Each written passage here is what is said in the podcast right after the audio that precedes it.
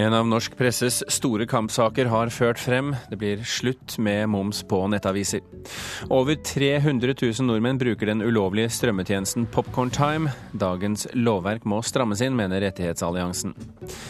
Og jeg er mest stolt over det jeg har gjort i filmpolitikken, sier Åse Kleveland. I dag blir hun kommandør av Den kongelige norske St. Olavs orden. Du hører på Kulturnytt med Birger Kolsrud Jåsund i studio. Alle nyheter skal være fritatt moms, også på avisenes nettsteder. Ifølge VG i dag skal kulturminister Toril Vidvei presentere denne nyheten på mediedagene i Bergen i dag. Vi tjuvstarter litt i Kulturnytt også. Vidvei, hvorfor velger dere å frita nettaviser for moms? I dag så er det sånn at det er eh, moms på papiraviser, mens det er ikke moms Eller det er moms, unnskyld, på eh, digitale medier, men det er ikke moms på papiraviser. Og det er klart at det, eh, å ha et økonomisk incitament som på en måte sier at man skal gjøre det på den ene plattformen, ikke på den andre, det er ikke noe bra. Det må være opp til den enkelte redaksjon å bestemme hvor de har lyst til å presentere nyhetene sine. så Derfor er det viktig at vi nå går ut med lik moms. Og vi har da valgt å gå til ESA med nullmoms. Eh, og avgrensningen den er at det skal dekkes alt som har med nyhets- og. Kjendisstoff og det hele? Ja, så Det betyr at det er både for lyd, det betyr for, for bilde og det betyr for tekst. Det må være nyheter og aktualitetsinnhold som skal være gjeldende. Dette har jo vært en lang prosess eh, med mange potensielle løsninger. Har det vært en vanskelig beslutning for eh, myndighetene å komme frem til? Altså Denne regjeringen hadde at vi ville innføre lavmoms. og Det gikk vi til valg på. Det tok vi tak i med en gang vi begynte. Vi lanserte det i fjor på mediedagene at dette ville vi jobbe for. Og så fikk vi et, eh, et, et, samarbeid med våre partier i Stortinget. Så ble vi enige om at vi skulle parallelt notifisere både nullmoms og 8% som var regjeringens primærforslag. Eh, men vi har kommet til at nullmoms er det, da, det mest ytterliggående, hvis man skal si det i statsstøttesammenheng. Eh, og vi har fått signaler fra ESA at hvis ikke vi velger, så vil sikkert de velge. Og det tror jeg at det har konkludert med, at vi i dag selvfølgelig går med nullmoms. Eh, og så har vi brukt litt tid på avgrensningen. Det har vært viktig. Vi har hatt god eh, kontakt med bransjen. Eh, dette har vært en viktig avveining. Men vi ser jo at teknologien bringer oss dit hen at det er vanskelig å skille mellom nyhet og aktualitetsinnhold når det gjelder både lyd og når det gjelder bilder i forhold til det med tekst. Men hva forventer du da av norsk presse når de nå blir fritatt for denne 25 %-momsen? Ja, Nå får vi først se hvordan dette går i ESA. Det er jo et stykke vei fram. Vi går jo først nå til ESA med dette, og vi har jo eh, kommet til å stå på for å få gjennomslag for dette. Men dette betyr jo at det, eh, blir mye lettere for norske medier å kunne sjøl velge hvor de vil produsere sine nyheter. Det vil ikke være liksom avhengig av hvordan eh, om det er momsfritak på den ene plattformen framfor den andre. Og det er jo det som media har understreket til oss. Plattformnøytralitet har vært viktig, og jeg er veldig glad for at vi nå kan kvittere ut det. Kulturkommentator her i NRK Agnes Moxnes, eh, hva betyr dette momsfritaket eventuelt for norsk presse? Ja, det betyr jo først og fremst at de endelig har kommet i mål med denne saken. Eh, medien, mediehusene selv har vært eh, uenige med hverandre. Politikerne har vært uenige. Høyre ble på et tidspunkt stående alene med dette ønsket om 8% moms, altså en lavmoms. Og nå har man da kommet i, i mål med, iallfall nesten i mål, med en eh, null eh, moms. Og det betyr jo at dette prinsippet om at en nyhet er en nyhet uavhengig av hvor det publiseres, er slått eh, fast. da. Men kommer vi som nyhetsbrukere, for å kalle det det, til å merke noe? Ja, det skal vi jo absolutt gjøre. fordi at de fleste av oss har jo lurt på hvorfor i all verden medie, altså nettaviser har vært så dyre. Altså det er ikke distribusjon, det er ikke trykking, det er ikke papir. Og likevel har de vært så dyre.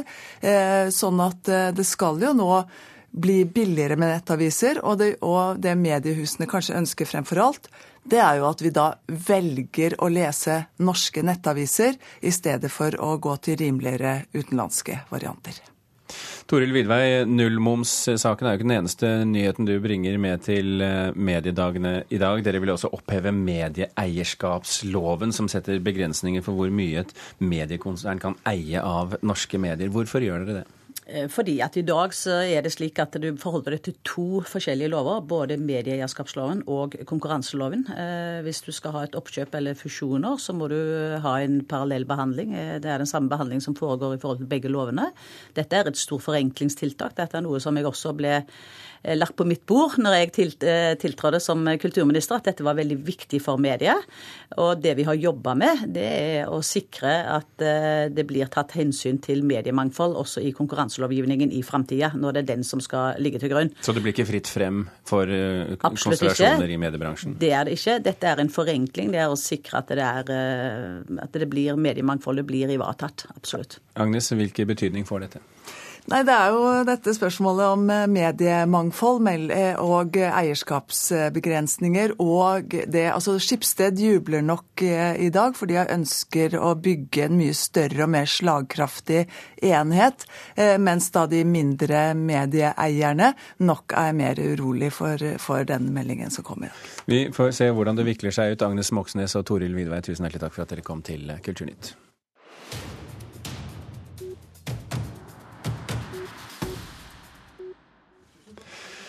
Aftenpostens rolle under krigen og avisens åpenhet for eh, nazistenes styre i Norge blir nå trukket frem i debatten rundt det omstridte Osvald-monumentet ved Østbanehallen i Oslo.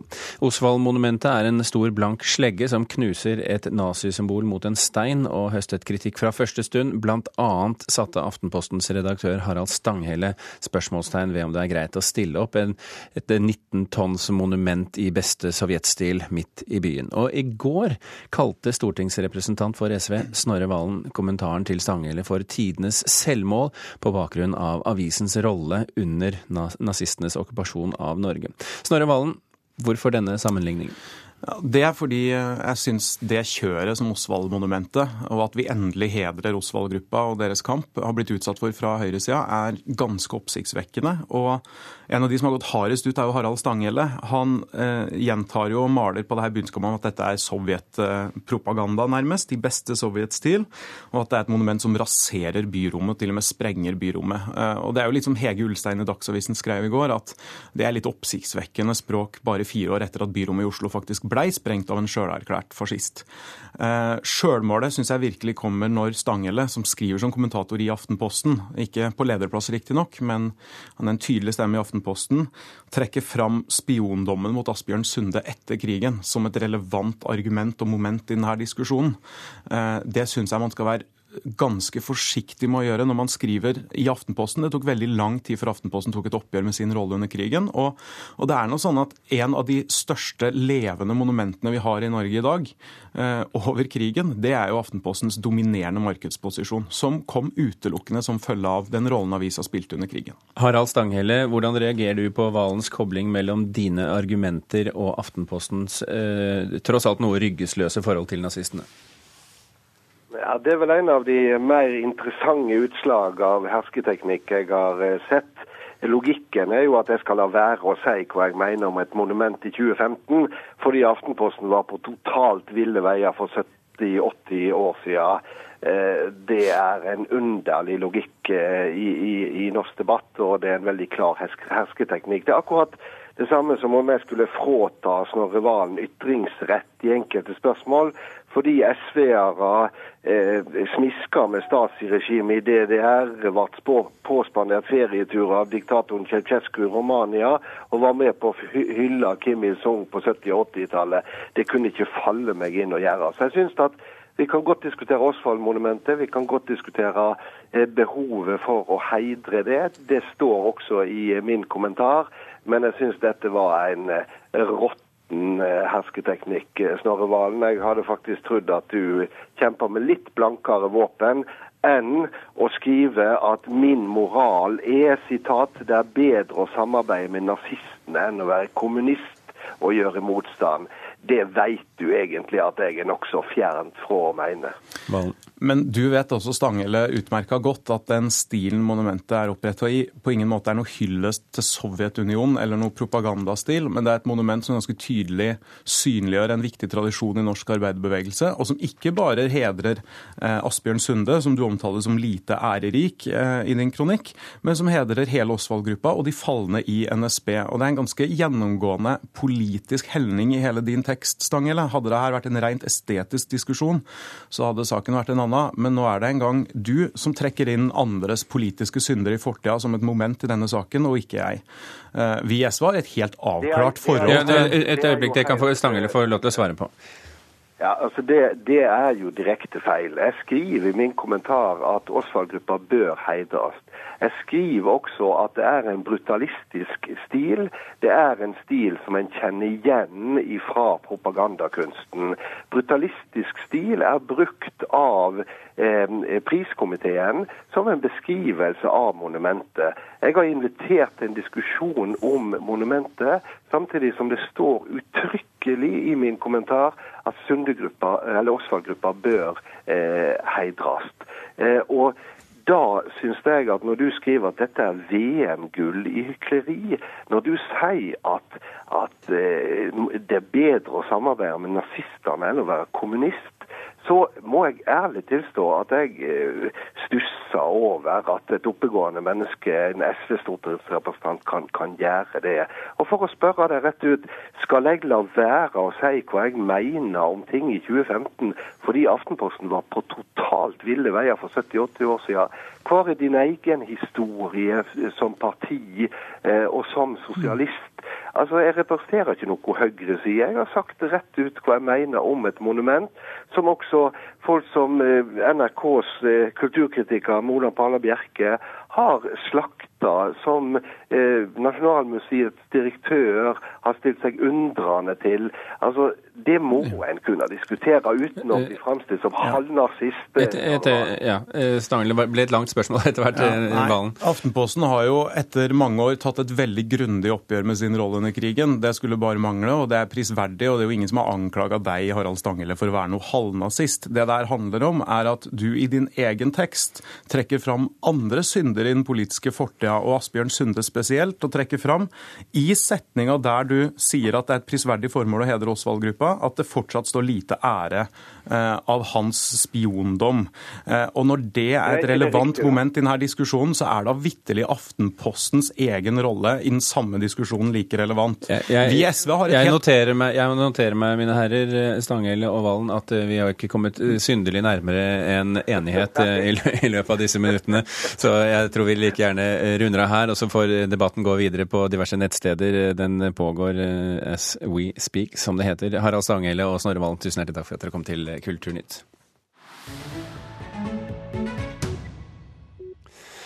Regelverket for eh, rettigheter eh, til film- og TV-serier må strammes inn. Det mener Rettighetsalliansen, en organisasjon som arbeider for norske åndsverkshaveres rettigheter.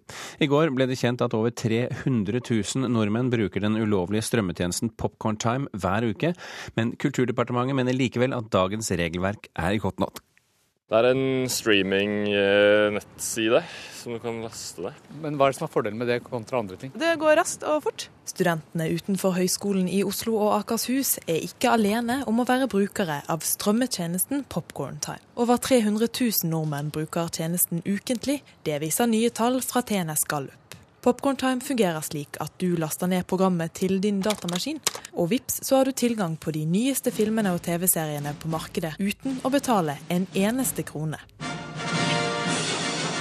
Men tjenesten er ulovlig, det bekreftet Kulturdepartementet overfor E24 i går. Popcorntime er en såkalt BitTorrent-tjeneste. Det betyr at brukeren samtidig som de laster ned det de ser på, så deler de også deler av innholdet videre. Og Hvis ikke de som eier åndsverket, altså filmen eller serien man ser på, har samtykket til en sånn deling, så er dette en ulovlig tjeneste. Det sier statssekretær Bjørgulv Vinje Borgundvåg. Ja, nå er dette tallene fra en spørreundersøkelse, men hvis de stemmer, så er det jo synd at såpass mange velger å bruke en tjeneste som er ulovlig. Men å slå ned på alle som bruker Popcorn Time er nærmest umulig oppgave. Det mener Willy Johansen, som er leder for Rettighetsalliansen, som arbeider for rettighetene til åndsverkshavere i Norge. Det krever altså en veldig stor form for bevisførsel. Det er ikke bare å si at en side er ulovlig, og det sier seg selv. Det er veldig veldig tidkrevende, og det er ekstremt kostbart. Og du trenger en organisasjon for å gjøre dette for deg. Det er nesten helt umulig for en frittstående person å gjøre dette arbeidet. Rettighetsalliansen ønsker at det skal opprettes en egen nemnd som skal bestemme i denne typen saker. Vi ønsker at det blir opprettet en nemnd som kan ta avgjørelser om uh, ulovligheter på internett. Og hvis man får dette til, så slipper man å gå veien om domstolene, og dermed spare samfunnet og rettighetshaverne får store, store penger. Men forslaget får ikke støtte fra statssekretær Borgund Våg. Han mener at endringen i åndsverksloven som kom i 2013, gir dem som sitter på rettigheter, gode muligheter til å få stengt sider som Popcorn Time. Jeg er ikke kjent med detaljene i det forslaget, men det er klart at så vidt jeg vet, så er ikke mulighetene som dagens lov gir, som ble endret i 2013, utnyttet ennå. Det har ikke vært saker for domstolene. Og jeg ville jo synes det være interessant å se eh, hvordan domstolene ville håndheve dagens lov, før man vurderer å gjøre noe ytterligere innstramminger. Reporter her det var Petter Sommer og Ingvild Fjeltveit. Klokken er 18,5 eh, minutter over åtte. Du hører på Kulturnytt, og dette er toppsakene i Nyhetsmorgen i dag. Nettavisene sidestilles med papiravisene. Regjeringen vil ha nullmoms på nyheter. Sikkerheten blir skjerpet på de store russetreffene i helgen. Flombelysning og vakter med hund skal hindre voldtekter. Og flere unge tar kontakt med anonyme alkoholikere. Norske ungdommer drikker mindre enn før totalt sett, men de som drikker, drikker mer. Det franske satiremagasinet Charlie Hebdo fikk i går kveld pris av amerikanske Penn, fire måneder etter terrorangrepet der tolv mennesker ble drept. Tildelingen har skapt stor debatt i USA. Over 200 amerikanske forfattere og skribenter har skrevet under på et opprop mot tildelingen. En av journalistene i Charlie Hebdo mener oppropet baserer seg på en misforståelse. You know, it's a, you're you're not um, honoring a specific content in a magazine. Det er prinsippet om ytringsfrihet du ærer, ikke noe spesifikt innhold, sier Jean-Baptiste Toré, en av journalistene i Charlie Hebdo. Han forstår ikke reaksjonen fra over 200 skribenter som utelot å delta på gallafesten i natt norsk tid. Forfatterne begrunner protesten med at provokasjonen i satiremagasinet ikke er det samme som mot. Toré tror ikke de vet hva Charlie Hebdo egentlig står for. Never, uh, uh, example, Vi har aldri angrepet muslimer som sådan, sier Toré til National Public Radio i USA. Vi parodierer og kritiserer religioner og ikoner. So we don't attack particular people. Da Kouachi-brødrene gikk til angrep mot redaksjonslokalet til satiremagasinet 7.1, ble tolv personer drept. Jean-Baptiste Toré overlevde fordi han var forsinket til jobb. I was about to take subway, uh, and suddenly I received a text uh, message and uh, phone calls. In a few seconds, maybe 10 or 15 seconds, I understood that something happened in Charlie Hebdo. Siden har de gjenlevende slitt med å finne tilbake til humoren. Angrepet gir ingen mening, sier han. It was just about what? Little guys in cartoon, you know. And uh, the violence of what happened, it's hard to make sense of that. Men i natt ble de tildelt en ytringsfrihetspris for ikke å ha latt seg kneble.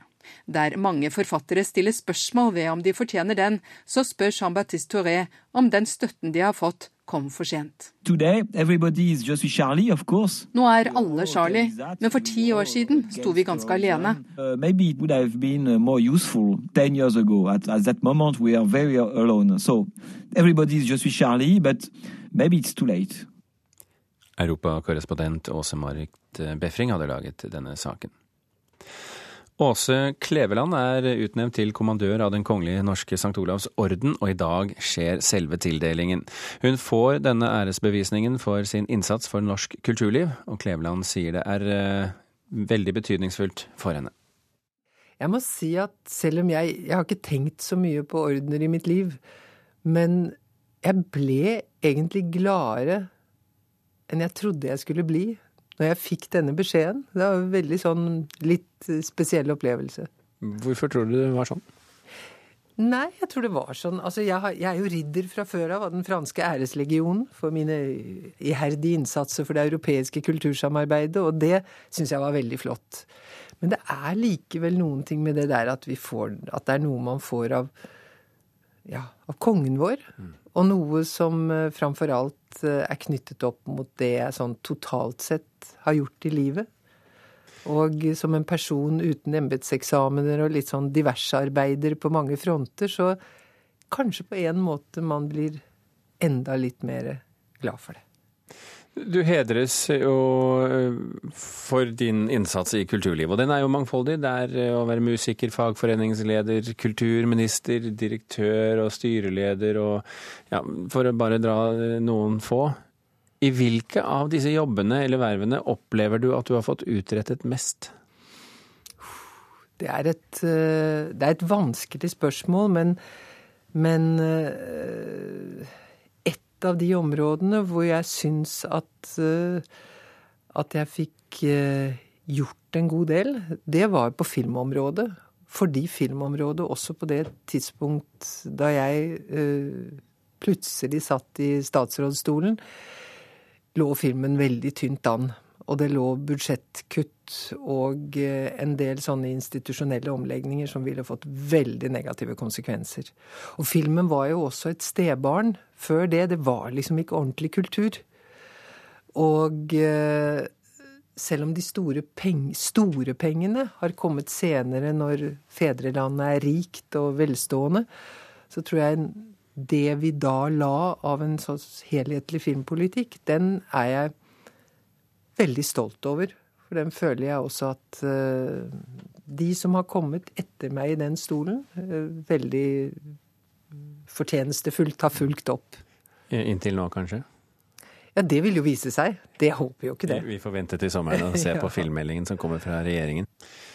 La oss uh, gå tilbake til litt der vi startet, Åse Kleveland. det står i ordensreglene fra Slottet at kvinner bærer ridderkorset og, og kommandørkorset i sløyfe av ridderkorsbåndet på venstre side av brystet. Dette vet vi. Har du fått eh, beskjed om hvordan du skal te deg i bruken av denne ordenen? Jeg antar at eh, når noen i morgen skal feste denne ordenen et eller annet sted på meg, så eh, vil jeg kanskje til og med få en liten bruksanvisning, hva vet jeg. Når kommer du til å bruke denne ordenen på deg? det er jo også visse regler for det, men uh, vet du hva, jeg får se. Kanskje, kanskje, på dager hvor man føler at uh, selvfølelsen er litt slitt og litt man ikke får det som man vil, så kan man ta opp ordenen av skuffen og sette den på seg og føle at det blir litt sånn varmt der på venstre side. Det kunne jo være flott om man kunne ha den sånn. Noe skal man pynte morgenkoppen med, vet du. Ja, for eksempel. Ja, Det sa Åse Kleveland da jeg snakket med henne i går.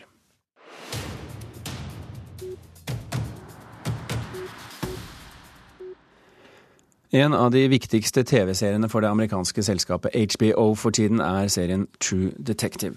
Forfatteren bak den serien heter Nick Pizzolatto, og nå er hans prisbelønnede debutroman fra 2010 ute på norsk, Galveston. Litteraturkritiker her i NRK, Leif Ekle. True Detective er mørk og dyster. Er Galveston også det? Det kan man trygt si. Ja, hvordan, kort, kort, og greit. ja, hvordan ser vi det, eller hvordan leser vi det? Ja, det, det, er en klassisk, eh, på mange måter en klassisk eh, noir, mørk, dyster fortelling hvor du har en sånn skjebnetung, overhengende følelse hele veien om at dette går ikke bra.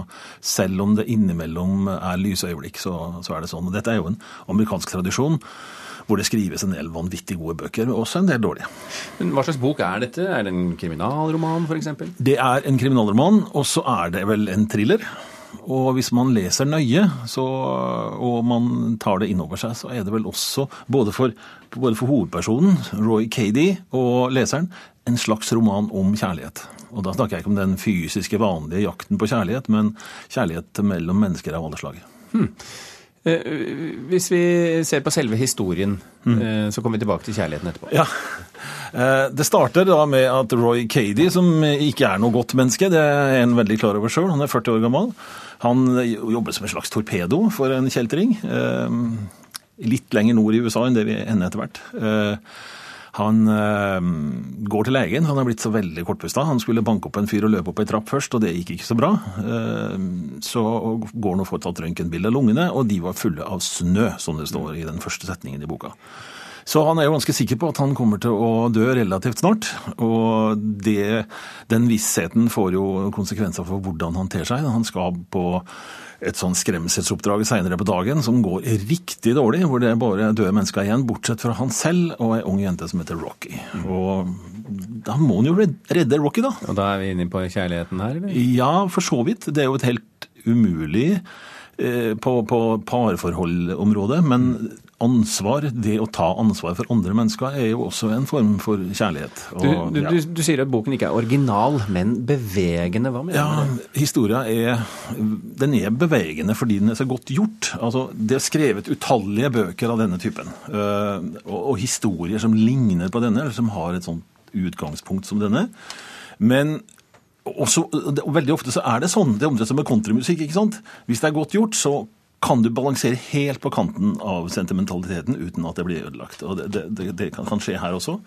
Uh, i, I Pizzolatos tilfelle så er språket hans så levende, så muntlig og så drevet av ja, både tradisjon med et eget talent at det holder hele veien. Og det blir aldri sentimentalt og ekkelt.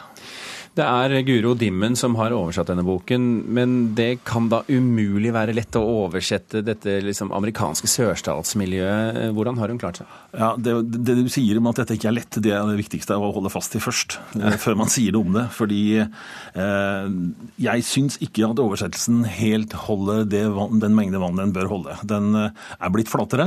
Den er blitt eh, Det virker litt som det ikke er helt engasjement til stede for å få denne teksten gjennom til, til, noe som oppleves noenlunde likt det som er originalen. Men er boka likevel en, en god bok?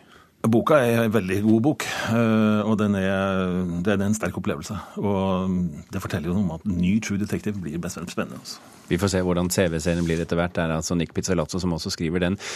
Galveston var dette. Takk skal du ha, litteraturkritiker Leif Ekle. Kulturnytt er slutt. Frode Thorshaug, Vidar Sem og Birger Kolsrud Aasund takker for følget.